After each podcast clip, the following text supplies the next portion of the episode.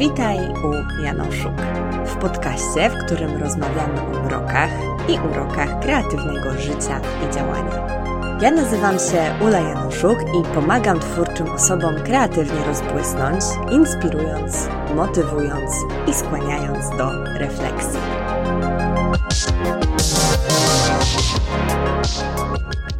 No dzień dobry. Dzisiaj witam się z Wami nie wyciszając tego, co jest w tle. Możecie słyszeć trochę samochodów, ale przede wszystkim deszczu, bo błyskotki lata nagrywam dla Was w pierwszy taki jesienno-deszczowy dzień e, tego roku, tego sezonu w zasadzie. I postanowiłam, że może taka deszczowa aura będzie czymś ciekawym, e, ciekawą aranżacją. Zobaczymy, jak to wyjdzie. No bo dzisiaj będziemy sobie rozmawiać, a raczej ja Wam będę tym razem opowiadać, jakbym Wam nie opowiadała zawsze w podcaście. No ale tym razem jestem solo i będę Wam opowiadać o tym, co fajnego wydarzyło się latem, a wydarzyły się naprawdę fantastyczne rzeczy i bardzo, bardzo przyjemne wydarzenia, bardzo bardzo przyjemne doświadczenie e, i bardzo dużo z nich, e, zaskakująca w ogóle dla mnie ilość, była czymś związanym z moją powieścią. I dla tych z Was, które i którzy nie wiedzą, napisałam powieść. W tym roku napisałam powieść, skończyłam ją pisać e, w maju. Mm, zaczęłam pisać w listopadzie, ale tak naprawdę zaczęłam pisać dwa lata temu. Czy w zasadzie pierwszy pomysł był 3 lata temu. Tak, e, pierwsze takie iskierki inspiracji, które pojawiły się w mojej głowie, miały miejsce właśnie latem 2020 roku, kiedy razem z moją rodziną byliśmy po raz pierwszy na wyspie Uznam. Jest to wyspa na Bałtyku. Mm, mamy na północnym wschodzie Wolin i Uznam. Uznam leży E, pomiędzy Polską a Niemcami Świnoujście leży na obu tych wyspach, więc to takie, taki geograficzny kontekst, jeżeli jesteście zainteresowani, zainteresowani. Mój tato miał taki pomysł, taką e, inwencję, inicjatywę, żeby zobaczyć wszystkie cztery krańce Polski, wszystkie cztery ukośne krańce Polski i to był prezent, y, w ramach którego zabraliśmy go właśnie na ten północno-zachodni e, fragment. Mam nadzieję, że wcześniej też powiedziałam zachód, ale e, moje lekko dyslektyczne e, różne takie zawiłości w mózgu mogą dawać o sobie znać, jeżeli chodzi o nazwy, nazwiska i tego typu rzeczy. No więc było to e, dla mnie bardzo niesamowite doświadczenie. Mm, między innymi dlatego, że Świnoujście było takim, wiecie, bardzo polsko-kurortowym miastem, a wystarczyło wyjechać 10 km poza granicę Polski, żeby poznać zupełnie inny nadbałtycki świat. I ja zawsze Bałtyk kochałam. Nad Bałtyk jeździłam odkąd byłam dzieckiem, ale pokochałam go przede wszystkim e, w moich nastoletnich latach życia, kiedy razem z moim aktualnym mężem, wtedy chłopakiem, jeździliśmy na Hel, e, jeździliśmy do chałup, e, no i no i też oczywiście z naszymi cudownymi znajomymi. No i od tamtego czasu regularnie Bałtyk odwiedzam, ale jakoś ten Bałtyk po niemieckiej stronie wyjątkowo mnie urzekł. Mm, wyjątkowo mnie urzekł, no i był tam. Jest to historia, którą opowiadam już nie wiem który raz, natomiast ciągle muszę sobie przypominać, że moje życie to nie wasze życie i część z was mogła w ogóle tej historii nie słyszeć, a część, jeżeli nawet ją słyszała, no to być może nie pamięta. No i był to, tak, był tam taki niesamowity domek.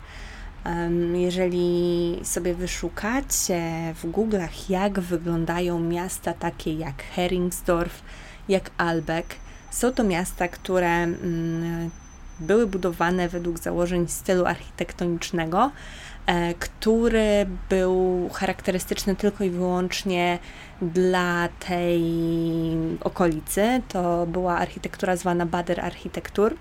I była to architektura bardzo specyficzna, bardzo urocza, z wieloma ornamentami, e, dużo pastelowych kolorów. No naprawdę, e, jakbyście trochę wyjęli scenografię z Wesa Andersona, a jeżeli mnie słuchacie już jakiś czas, to wiecie, że mm, Wes Anderson jest dla mnie bardzo dużą inspiracją, jeżeli chodzi o tworzenie i pośród całej tej cukierkowej architektury, kiedy bardzo szybko przemykaliśmy przez te miasta, bo wtedy jeszcze nie można było płacić za parking kartą, a my nie mieliśmy drobnych euro i e, z duszą na ramieniu szliśmy tak szybko jak mogliśmy, żeby tylko nie dostać niemieckiego mandatu.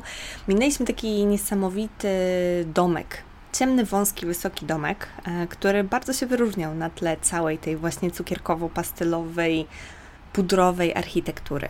No i ja na ten domek wskazałam mojej rodzinie, zachwyciłam się nim. Ja bardzo lubię zachwycać się rzeczami i na głos ten zachwyt wyrażać. I mój tato wtedy w odpowiedzi na ten zachwyt powiedział: Ciekawe, jacy ludzie tam mieszkają, że muszą tam mieszkać e, dziwni ludzie.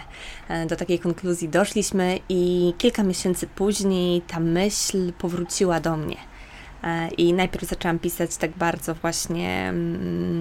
Impresyjnie, improwizacyjnie fragment z perspektywy bohaterki, która w tym domu się wychowuje, a następnie przerodziło się to w cały pomysł na powieść. Mm, I są dwa miejsca, dwa główne miejsca akcji, gdzie moja powieść, którą będę tej jesieni poprawiać po raz pierwszy, mm, akurat jest to całkiem niezły timing do tego, żeby właśnie po takim dłuższym oddechu wrócić do poprawiania, czy zacząć poprawiać, o tak, bo ta powieść jest po prostu napisana, nie jest. E, nie była w żaden sposób poprawiana jeszcze, więc e, możecie sobie wyobrazić, że jest w stanie dosyć takim pierwotnym, można powiedzieć. I ona się rozgrywa w dwóch zupełnie przeciwnych krańcach Niemiec.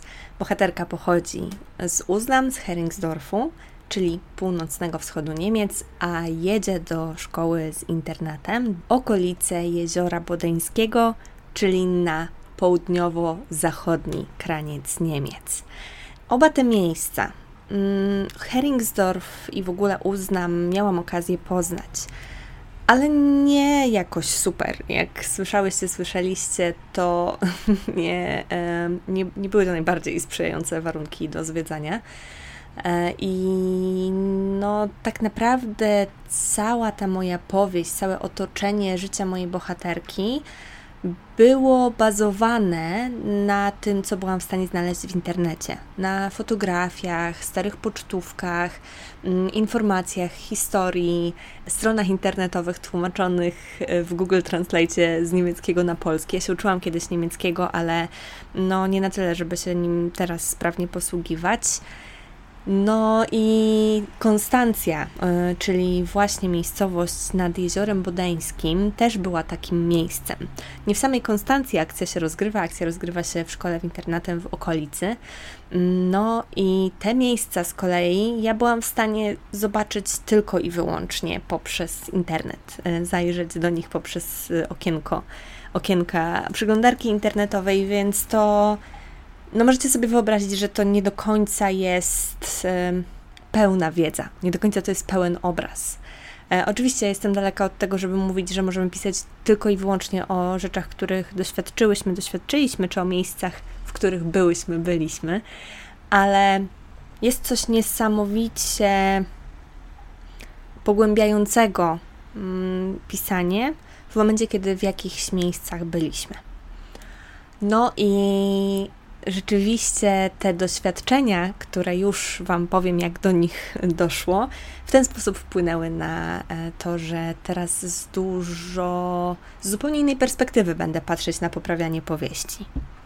No więc po tym obszernym e, zarysowaniu gigantycznego kontekstu, który może, e, który może nie było potrzebne jakoś szczególnie, ale mam nadzieję, że wprowadziło Was trochę w klimat, przejdźmy do błyskotek, do, do tych rzeczywistych błyskotek, które um, miałam okazję e, w tym roku, w te wakacje, których miałam okazję w te wakacje doświadczyć, o tak.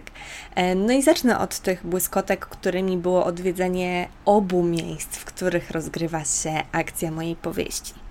I w tym roku z jakiegoś powodu mieliśmy z Maćkiem, czyli moim mężem, bardzo dużo różnych propozycji wyjazdów, spotkań i one się jeszcze nie skończyły tak naprawdę, kiedy nagrywam e, te błyskotki lata, więc jeszcze dwa wyjazdy przede mną, więc te wakacje jeszcze mi się nie do końca skończyły, ale jako e, rasowa jesieniara bardzo się cieszę na nadchodzący wrzesień, więc nawet te wyjazdy nie są w stanie mi odebrać tej radości.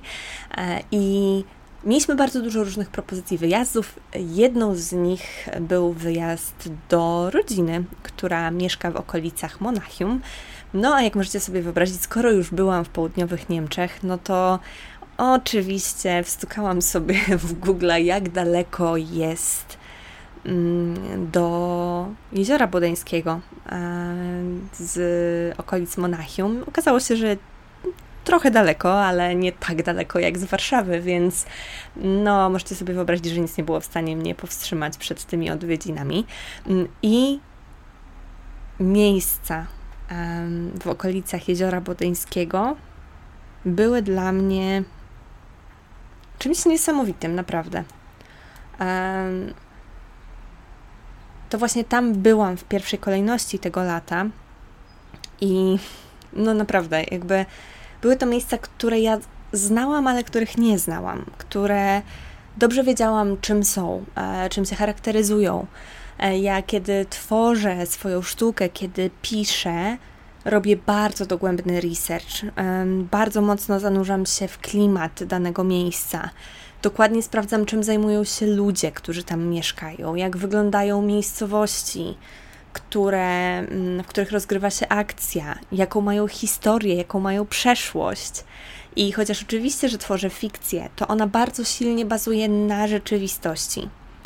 I znając tak dobrze te okolice, ja byłam w naprawdę jakby niesamowitych emocjach, których nie doznałam nigdy wcześniej. Mm, emocjach, w których ja po prostu hmm, um, nie dowierzałam. Byłam w takim właśnie gigantycznym zachwycie, e, szoku, radości, będąc w tych miejscach i doświadczając ich ciałem bo naprawdę wiele można rzeczy sobie wyobrazić. Ja jestem, myślę, że wiecie, że jestem największą orędowniczką wyobraźni. Już w pierwszym odcinku tego podcastu, e, nie wiem, czy on jeszcze jest na e, wszystkich platformach streamingowych, na pewno znajdziecie go na mojej stronie internetowej, bo tam jest pełne archiwum, calutkie archiwum moich nagrań, to już w pierwszym odcinku mówiłam, że wyobraźnia zawsze była moją najukochańszą zabawką. I kocham, kocham wyobraźnię, kocham to, jaki potencjał, jakie potencjały przed nami otwiera, ale jednak doświadczenie to doświadczenie. Mm, I przechadzając się po terenie szkoły, w której żyje moja bohaterka, płynąc promem, którym płynie do e, miejscowości, gdzie mieszka jej przyjaciółka, jedna z bohaterek drugoplanowych, Mm, zwiedzając te okolice, gdzie mieszka ta przyjaciółka, jeżdżąc wokół tego jeziora, widząc jego krystalicznie błękitną wodę i Alpy, które rozpościerają się w tle, ja byłam w zachwycie to mało powiedziane. Ja byłam w jakimś takim gigantycznym przejęciu um, i, i radości, i spełnieniu, e, i ogromnej satysfakcji. Um, i tak, i było to naprawdę coś, e, coś niesamowitego. I to doświadczenie sprawiło, że wiele rzeczy będę y, chciała jeszcze, wiele rzeczy będę chciała jeszcze dopisać. Y, I wiele rzeczy będę chciała jeszcze poprawić w związku z tym doświadczeniem. E, z kolei Heringsdorf, do którego i Albeck, do których mogłam się wybrać ze względu na drugą wycieczkę rodzinną, e, którą mieliśmy tym razem w okolice Jarosławca, czyli nad Polskim Morzem, niedaleko Koszalina. E, stamtąd też ta droga nie była jakaś bardzo bliska mm, na uznam, ale, ale się wybraliśmy. No i to z kolei było takie doświadczenie, które potwierdziło wszystko to, co sobie wyobrażałam E, I, I co zapamiętałam z tej wyspy, łącznie z meduzami wyrzuconymi na brzeg, które e, są dosyć charakterystycznym elementem, który, mm, e, który pojawia się w mojej powieści. Mm, I niepla- w nieplanowany sposób, kiedy usiedliśmy na plaży w Albeck, poszłam sobie brzegiem morza, zbierając właśnie muszelki. Bo to jest ciekawe, na przykład w okolicach Jarosławca nie ma wcale muszli. Ten piach nie jest tak w tak dużej proporcji wymieszany z bałtyckimi muszlami. To jest niesamowite, że jakby to samo morze, e, nawet ten sam jego kraniec, a tak różnie potrafią wyglądać e, te E, te, to, to, ta linia brzegowa i to, co się na niej znajduje. No i tam było bardzo dużo muszelek, ja sobie szłam, e, zbierałam je e, i, i w ogóle tak się przeszłam na taki spacer, weszłam do miasta i weszłam do miasta e, na boso, bo nie wzięłam ze sobą butów, co okazało się być dosyć szczęśliwym zbiegiem okoliczności, bo to też jest doświadczenie mojej bohaterki. I zjadłam tam niemieckiego gofra e, z cukrem pudrem, chodząc boso po uliczkach E, tego nadmorskiego uzdrowiska. No było to naprawdę, naprawdę niesamowite. E, zamknęłam właśnie okno, bo uznałam, że może już wystarczy nam tego ambientu.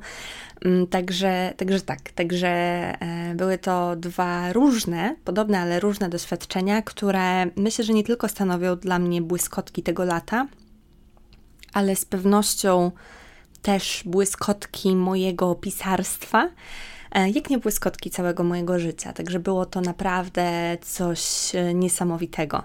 Kupiłam też pocztówki w takiej księgarence w Albeck, które totalnie mogłyby być e, zdjęciami mm, dziadków mojej głównej bohaterki. No, coś, coś cudownego, coś cudownego. Sprawdzałam też, jak się ratuje meduzy.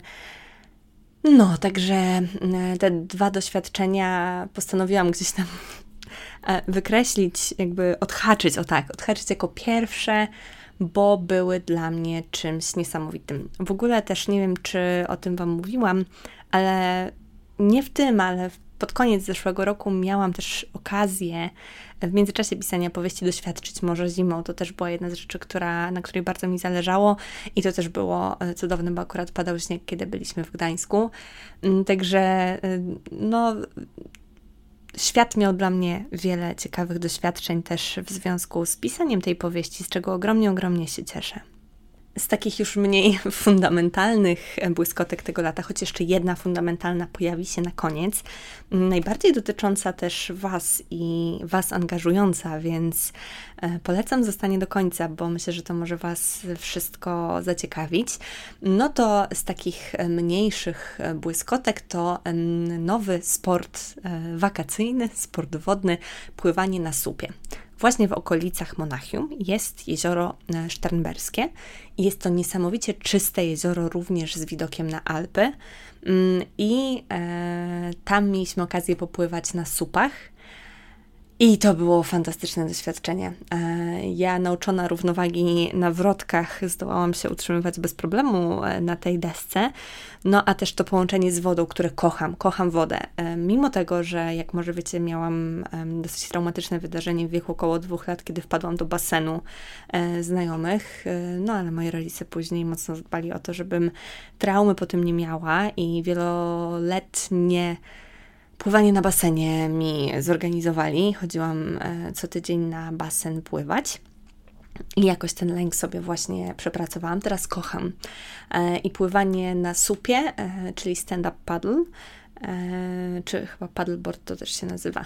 Mm, też taka nazwa funkcjonuje. Było czymś dla mnie super obcowanie z wodą, z naturą, ale też z architekturą wzdłuż brzegu, bo to są bardzo bogate okolice, e, była naprawdę mega ciekawa i, i bardzo przyjemna. Bardzo fajna, bardzo, bardzo fajna aktywność. W Monachium mieliśmy też okazję pójść na festiwal, e, festiwal Tollwood. E, jest to festiwal, który odbywa się w Parku Olimpijskim Monachium przez miesiąc.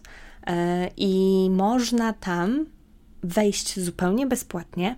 E, jedna scena ma biletowane koncerty, ale reszta scen, stref, miejsc jest darmowa. I jest to festiwal kultur. Jest to festiwal, którego głównym, główną osią są różne kultury.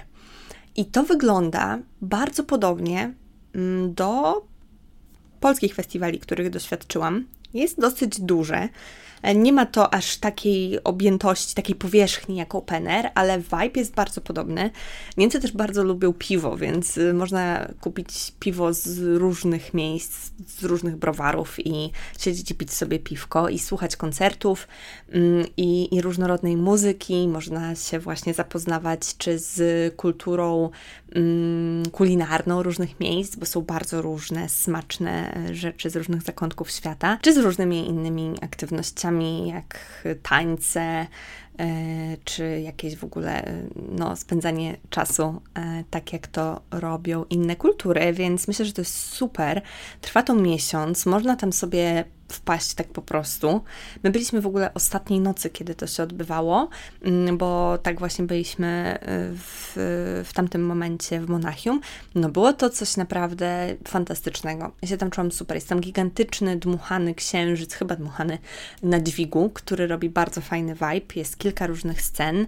Naprawdę, jeżeli kiedykolwiek y, będziecie odwiedzać Monachium, to sobie zerknijcie, kiedy się Tollwood odbywa, bo naprawdę można tam przymiło spędzić czas i to darmowo, także naprawdę, naprawdę polecam. Kolejną błyskotką było coś, co miałam okazję zorganizować.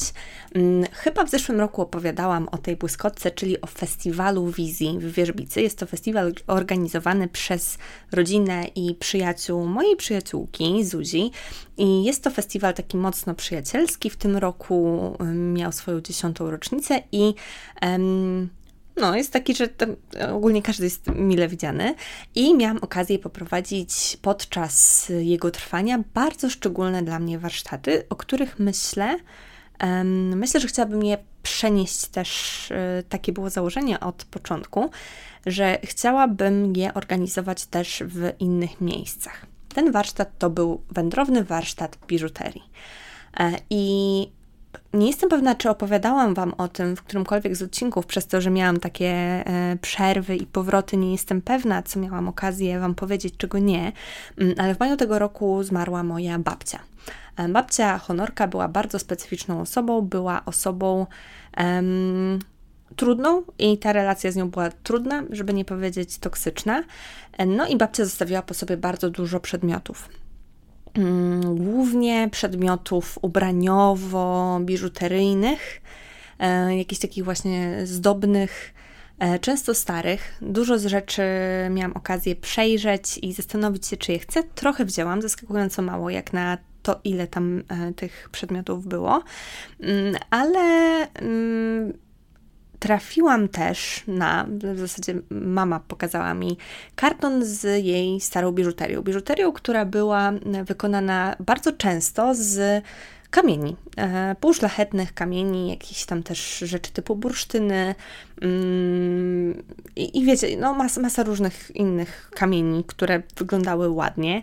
E, naprawdę całkiem spoko biżuterii, takiej, której się teraz nie do końca nosi w taki sposób, ale której elementy wydały mi się atrakcyjne. I na początku wzięłam tylko kilka rzeczy z myślą, że może przerobię je dla siebie. Ale im dłużej nad tym myślałam, tym bardziej wydawało mi się to ciekawsze do zrobienia w większym gronie. Jak być może wiecie, ja piszę doktorat na temat femarzu, czyli kobiecych praktyk zachowywania i przetwarzania. Mm, na przykład są to rzeczy typu patchwork, czyli zachowuje się jakieś tkaniny, a następnie tworzy, szyje się z nich coś nowego. Mm, I pomyślałam o tym, e, że ta biżuteria po babci, z, której, z którą nie miałam dobrej relacji, e, jest czymś, czego nie chcę zachowywać w formie pamiątkowej, ale coś, co chciałabym zachować jako coś, jako element, jako materiał do przerobienia. E, tylko, że przerabianie samodzielnie wydało mi się średnio atrakcyjne. Też ilość tych korali e, była naprawdę olbrzymia. Wyszły z tego dwie solidne skrzynki no i wiedziałam, że ja tego po prostu sama nie będę w stanie przerobić, a jednocześnie uznałam, że nie chodzi mi w tym wszystkim tylko i wyłącznie o przetworzenie tych rzeczy na nowe rzeczy, ale też przetworzenie tej trudnej relacji na dobre doświadczenia. I Festiwal Wizji był bardzo piękną y, płaszczyzną, bardzo pięknym wydarzeniem, momentem, w którym mogłam to zrobić i w którym mogłam to zrobić w bardzo bezpiecznej przestrzeni. E, I będąc przeciwna pozostawianiu tych rzeczy jako pamiątek po babci, przeprowadziłam te warsztaty bardzo na luzie, bardzo, wiecie, też nie z punktu specjalistki, nie z punktu osoby, która e, robi biżuterię zawodowo, nie z punktu osoby, która wie, co robi, tylko po prostu łatwość w robieniu manualnych rzeczy, więc może pomóc. No i zapewnić przede wszystkim tą przestrzeń, przede wszystkim to miejsce, gdzie można się spotkać, porozmawiać um, o swoich bliskich, o swojej stracie, o um, tym, co się zachowało po swoich bliskich, ale też po prostu stworzyć coś ładnego stworzyć coś dla siebie, albo stworzyć coś też dla bliskiej sobie osoby, jeżeli się nie chce zrobić czegoś dla siebie. I te warsztaty zrobiły dokładnie to, co miały zrobić. Te warsztaty e, bardzo mocno pomogły mi stworzyć coś dobrego z czegoś trudnego i też stworzyć ładne rzeczy. Mm, osobom, które w nich uczestniczyły. Także myślę nad tym, żeby przeprowadzić te warsztaty też w mm, być może jakichś domach kultury.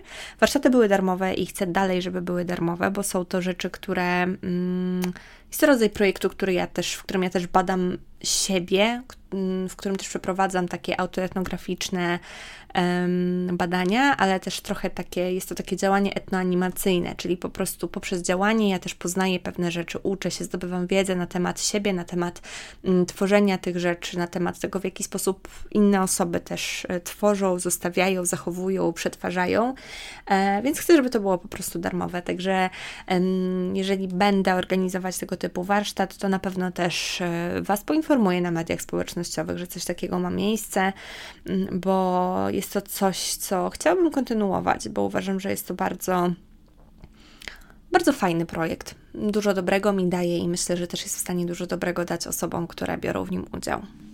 A teraz zbliżając się do końca, dwie polecajki kulturowe, e, które Wam w zasadzie tylko wymienię, żeby Wam nie spoilerować. Wymienię też walory bez, e, bez spoilerowania. E, to jest Oppenheimer, czyli Myślę, że nie trzeba tego filmu nikomu przedstawiać. Produkcja opowiadająca o e, wynalazcy bomby atomowej. Mm, bardzo polecam, jeżeli jest jeszcze w ogóle taka możliwość i wy macie taką możliwość obejrzeć ten film w IMAXie. Możliwe, że już go nie ma w IMAXie, ale wiem, że niektórzy mówią, że niekoniecznie, bo jest to bardzo, jest tam bardzo dużo po prostu dramatu obyczajowego, e, czy tam psychologicznego. Natomiast jeżeli chodzi o dźwięk, jeżeli zwracacie uwagę na dźwięk w filmie, to dźwięk jest tam niesamowity plus ten ekran IMAXowy bardzo pochłania e, wciąga tak do filmu. O Barbie jeszcze nie powiem, bo na Barbie idziemy dopiero e, dzisiaj, więc e, no, prawdopodobnie jakby też to nie jest coś, co muszę Wam polecać, tak samo jak Oppenheimer, tak samo jak w sumie Fleabag, bo obejrzałam wreszcie ten serial i i tak, i podpisuję się pod y, ochami i achami y, ludzi nad tym serialem. Bardzo trafiające do mnie poczucie humoru, bardzo e, odświeżające były te wątki i takie no naprawdę, naprawdę ciekawe i piękne na zupełnie nowy sposób, którego jeszcze nie doświadczyłam. Także e, naprawdę e, coś cudownego. No i e, ostatnia błyskotka tego lata, chociaż jestem przekonana, że o masie rzeczy zdołałam zapomnieć i, i, o nich nie opowiedzieć, albo może po prostu te okołopowieściowe doświadczenia były tak jasne, e, że mi przyćmiły inne. Ach, no właśnie, właśnie, właśnie, no jakby barze mi przyćmiły. E, też doświadczenie podróżowania śladami Grand Budapest hotelu Wes Andersona się odbyły po drodze do okolic Monachium. Mm, byliśmy zarówno w Karlowych Warach, czyli czeskiej miejscowości, która mm, w której hotele, fasady hoteli inspirowały Wesa Andersona do stworzenia fasady Grand Budapestu. E, byliśmy też w Dreźnie. Drezno było naprawdę dla mnie jednym z najpiękniejszych miast, w jakich kiedykolwiek byłam. Miasto zniszczone podczas bombardowań e, w trakcie II wojny światowej e, zostało odbudowane na wzór tego, jak wyglądało kiedyś i robi niesamowite wrażenie. Naprawdę. Ja zwiedzałam w swoim życiu dużo miast, nie chwaląc się, ale miałam okazję być w wielu miastach, bo po prostu lubię ten typ zwiedzania. E, w wielu mm, europejskich stolicach i nie tylko. I naprawdę Drezno zrobiło na mnie wielkie wrażenie. Na pewno trafiło do mojego top 3 y, miast, y, tak wizualnie, które mi się podobały. E, chociaż moi znajomi zawsze się śmieją, że moje top 3 zawiera co najmniej 10 pozycji, ale no y, jakby widzicie, jaka to jest skala. Y, bardzo, bardzo mi się tam podobało. E, tam też jest pałac pałac, który też zagrał w Grand Budapeszcie. Peszcie. E, jest sklep, w którym niestety nie byliśmy. E, bardzo niefortunnie wyszło, że w nim nie byliśmy. E, dawna mleczarnia, czy sklep mleczarski, sklep z nabiałem, który grał Mendel z cukiernie. Mam nadzieję, że jeszcze się tam kiedyś wybierzemy. No i byliśmy też w Gerlitz, e, czyli po niemieckiej stronie Zgorzelca. Fasady tych budynków, w ogóle samo miasteczko było tym miasteczkiem, które mm, było w Grand Budapeszcie. Także e, bardzo to była fajna wycieczka, bardzo e, piękna. Wiele pięknych budynków zobaczyliśmy, mm, pięknej architektury, naprawdę. No, mieliśmy okazję doświadczyć niesamowitych rzeczy, e, tak właśnie kulturowo. No, trochę był to rodzaj takiej, wiecie, pielgrzymki. pielgrzymki śladami Wes'a Andersona. I właśnie konkretnie Grand Budapest Hotel, który był pierwszym filmem jego, który obejrzeliśmy wspólnie z Maćkiem w kinie i każdy z nas też chyba osobno pewno y, y, też oglądało ten film jako pierwszy, w sensie, wiecie, że jako pierwszy spośród filmów Wes'a Andersona, ja na pewno, e, więc było to bardzo dla mnie takie e, fundamentalne e, odkrycie. I polecam Wam, jak na przykład będziecie jechać gdzieś właśnie samochodem, bo my jechaliśmy samochodem do Monachium, czy będziecie jechać gdzieś właśnie do Niemiec czy na południe Europy i będziecie mogli zahaczyć o te miejscowości, to naprawdę serdecznie Wam polecam. A możecie sobie śmiało je zobaczyć i e, myślę, że nie będziecie żałować. Niestety w Karlowych Warach nie da się praktycznie nigdzie zaparkować, e, a te hotele są położone na różnych wzgórzach, więc e, na pewno warto to wcześniej zaplanować, czego my nie zrobiliśmy. Dokładnie jak się będzie zwiedzało tą miejscowość, ale, ale tak, ale warto. No i ostatnia błyskotka, czyli coś, co wydarzyło się w przeciągu ostatniego tygodnia, może odrobinę dłużej. E, błyskotką to jest moja decyzja o tym, że ruszam z biznesem. Mm, nie wiem, czy o tym wiecie, ale ja bardzo długo miotałam się e, wokół tej decyzji. E, w ogóle bardzo długo z lękiem zastanawiałam się, co robić i w ogóle co ja chcę w życiu robić. Mm, jak być może wiecie, mój doktorat dobiega powoli końca. Będę na ostatnim roku, e, w tym roku, e, więc jest to no, taki moment zastanawiania się też, co ze mną będzie. Więc y, mm, jakby stanęłam w miejscu, gdzie mogę otworzyć, ale równocześnie zamknąć sobie różne możliwości. A jako, że o tworzeniu własnego biznesu nie półgwistkiem, jak to próbowałam robić do tej pory, ale z zaangażowaniem i z solidnym postanowieniem, że to jest coś, czemu daję e, szczerą, prawdziwą szansę. E, no i to była trudna decyzja, bo podróż, jakby nie będę się zagłębiać we wszystkie za, przeciw, e, we wszystkie moje wątpliwości, strachy, e, wszystko to, co się gdzieś za tym kryło, za tymi rozmyślaniami. No ale był to taki moment, kiedy musiałam sobie po prostu też powiedzieć, że nie jestem w stanie mieć wszystkiego i nie jestem w stanie mieć jakby nie jestem w stanie doświadczyć wszystkich potencjalnych dróg, które się w tym momencie przede mną otwierają. E, I to jasne, że jeżeli pójdę jedną ścieżką, to na tą drugą będzie mi dużo trudniej wrócić. Nawet jeżeli to nie będzie e, niemożliwe, to tak też może się zdarzyć. E, no i stwierdziłam, że wiem, jak chcę, żeby wyglądało moje życie. Wiem, że dla mnie priorytetem są bliscy, dla mnie priorytetem jest tworzenie I też ten rok bardzo mocno, ostatni rok, mm, podczas którego wzięłam się za pisanie powieści, skończyłam jej pierwszą wersję, bardzo mocno mi pokazał, że ja tak widzę swoje życie. Ja widzę swoje życie w takiej formie, gdzie ja mam czas na tworzenie. I nie wiem, jak będzie wyglądała moja kariera pisarska. Macie niepowtarzalną okazję być ze mną na żywo, w, obserwować to, jak to się będzie rozwijało. Ja sama nie mam pojęcia, co z tego wyniknie. Um, I nie wiem, czy ja będę zarabiać na pisaniu powieści. Nie wiem, czy to będzie kiedykolwiek moje główne źródło dochodu. Mm, wiem, że kocham to robić i chcę to robić niezależnie od tego, czy będzie. Wobec czego chcę sobie zbudować takie życie, mm, taką strukturę, e, taki system, w którym ja nie zarabiam na tym, ale mogę to robić. E, no, a jeżeli mnie znacie, to wiecie, że ja bardzo nie lubię pracować bez sensu. E, też trudne jest dla mnie pracowanie dla kogoś.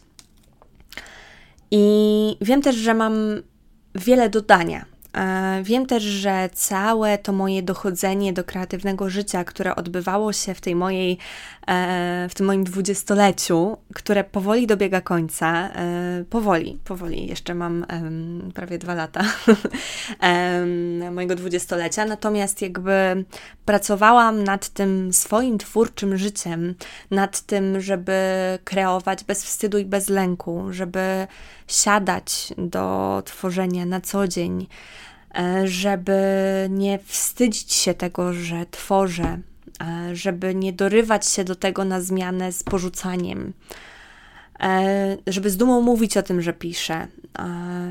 To wszystko to była naprawdę bardzo długa droga, którą podjęłam właśnie gdzieś tam wstępując w to, w to dwudziestolecie i jest to coś, co, czego doświadczyłam i co wiem, że jest cenne i wiem, że mało osób, zbyt mało osób się tym dzieli. Mm, I bardzo chcę Wam pomagać też w tworzeniu takiego życia, w którym kreatywność zajmuje stałe, istotne miejsce, niezależnie od tego, czy to jest życie zawodowe, czy nie. Wierzę, że można mieć zdrową relację z kreatywnością w obu przypadkach. I wierzę też, że mam dużo do powiedzenia na, na te tematy. Mam też możliwość kontaktowania Was z ludźmi, którzy mm, wybrali trochę inne ścieżki niż ja. Dlatego za to kocham serię od kuchni, że możecie tam posłuchać też bardzo różnych perspektyw. Ja też mogę mm, tych perspektyw posłuchać, poznać to, jak wyglądają e, łatwości i trudności w życiach osób, które wybrały trochę inne twórcze ścieżki niż ja, czy sposoby korzystania z kreatywności w swojej pracy zawodowej, czy poza nią. I, I tak, i widzę w tym bardzo duży potencjał. Widzę bardzo duży potencjał e, w tym jednoczeniu się w kreatywności, w tym łączeniu się z innymi kreatywnymi osobami, w tym wzajemnym wsparciu. I właśnie w związku z tym postanowiłam jako swój pierwszy produkt, mm, jako swoją, e, pie, swoje pierwsze biznesowe przedsięwzięcie, na którym się też uczę wielu rzeczy, mm, na którym E, podczas którego chcę sprawdzić różne e, rozwiązania i w ogóle zobaczyć, jak ja sobie z tym radzę. E, pierwszym produktem będzie Klub Błyszczących Głów, czyli płatny membership dla twórczyń i twórców, dla osób kreujących, dla osób, dla których kreatywność jest ważna. Oczywiście niezależnie od tego, w jakiej sferze się nią posługujecie.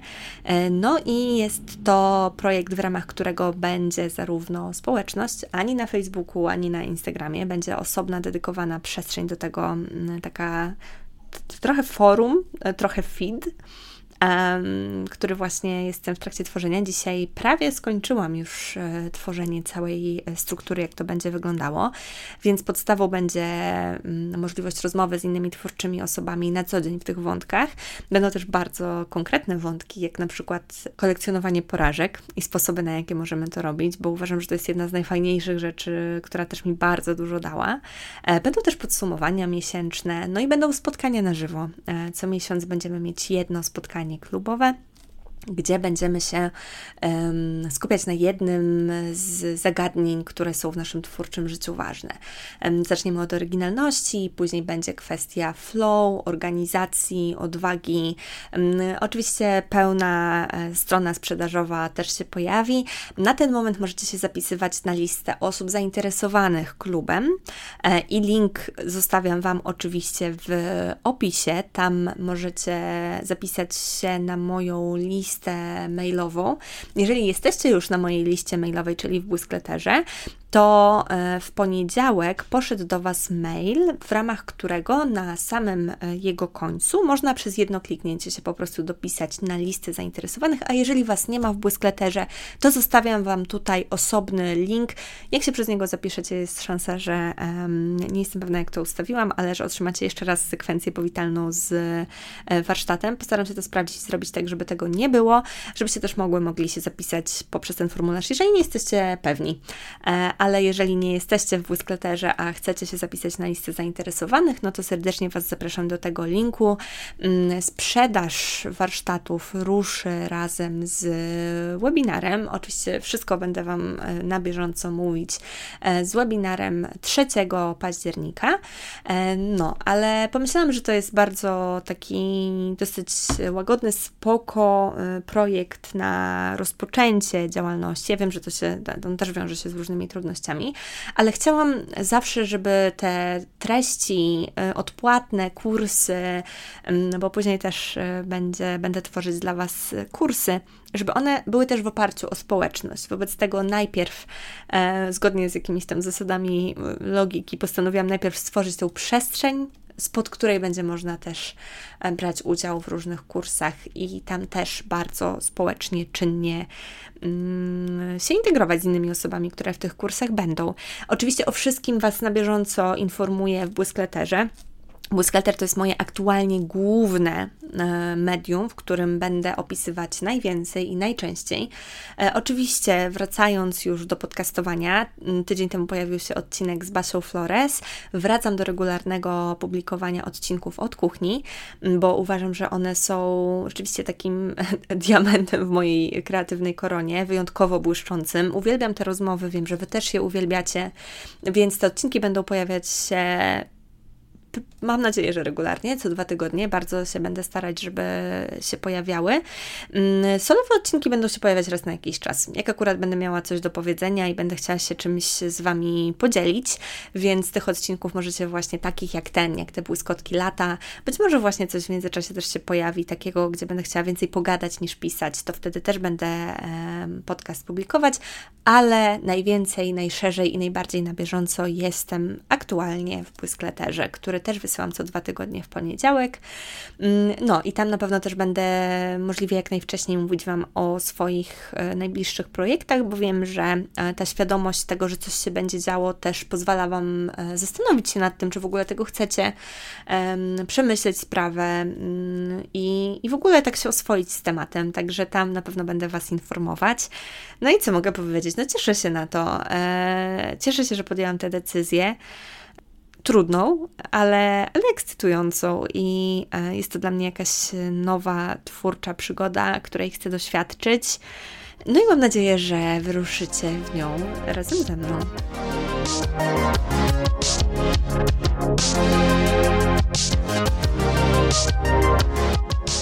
I to tyle na dziś. Jeżeli czujesz, że wciąż mało Ci wiedzy, inspiracji i motywacji do kreatywnego życia i działania, po więcej treści zapisz się na Błysk Letter, czyli mailowe listy pełne błysku. Formularz znajdziesz na stronie www.u-janoszuk.pl ukośnik zapis. A jeśli lubisz słuchać u Janoszuk, wystaw mi proszę ocenę na swojej ulubionej platformie streamingowej lub poleć podcast bliskim twórczym osobom. Do usłyszenia w kolejnym odcinku i niech błysk będzie z Tobą.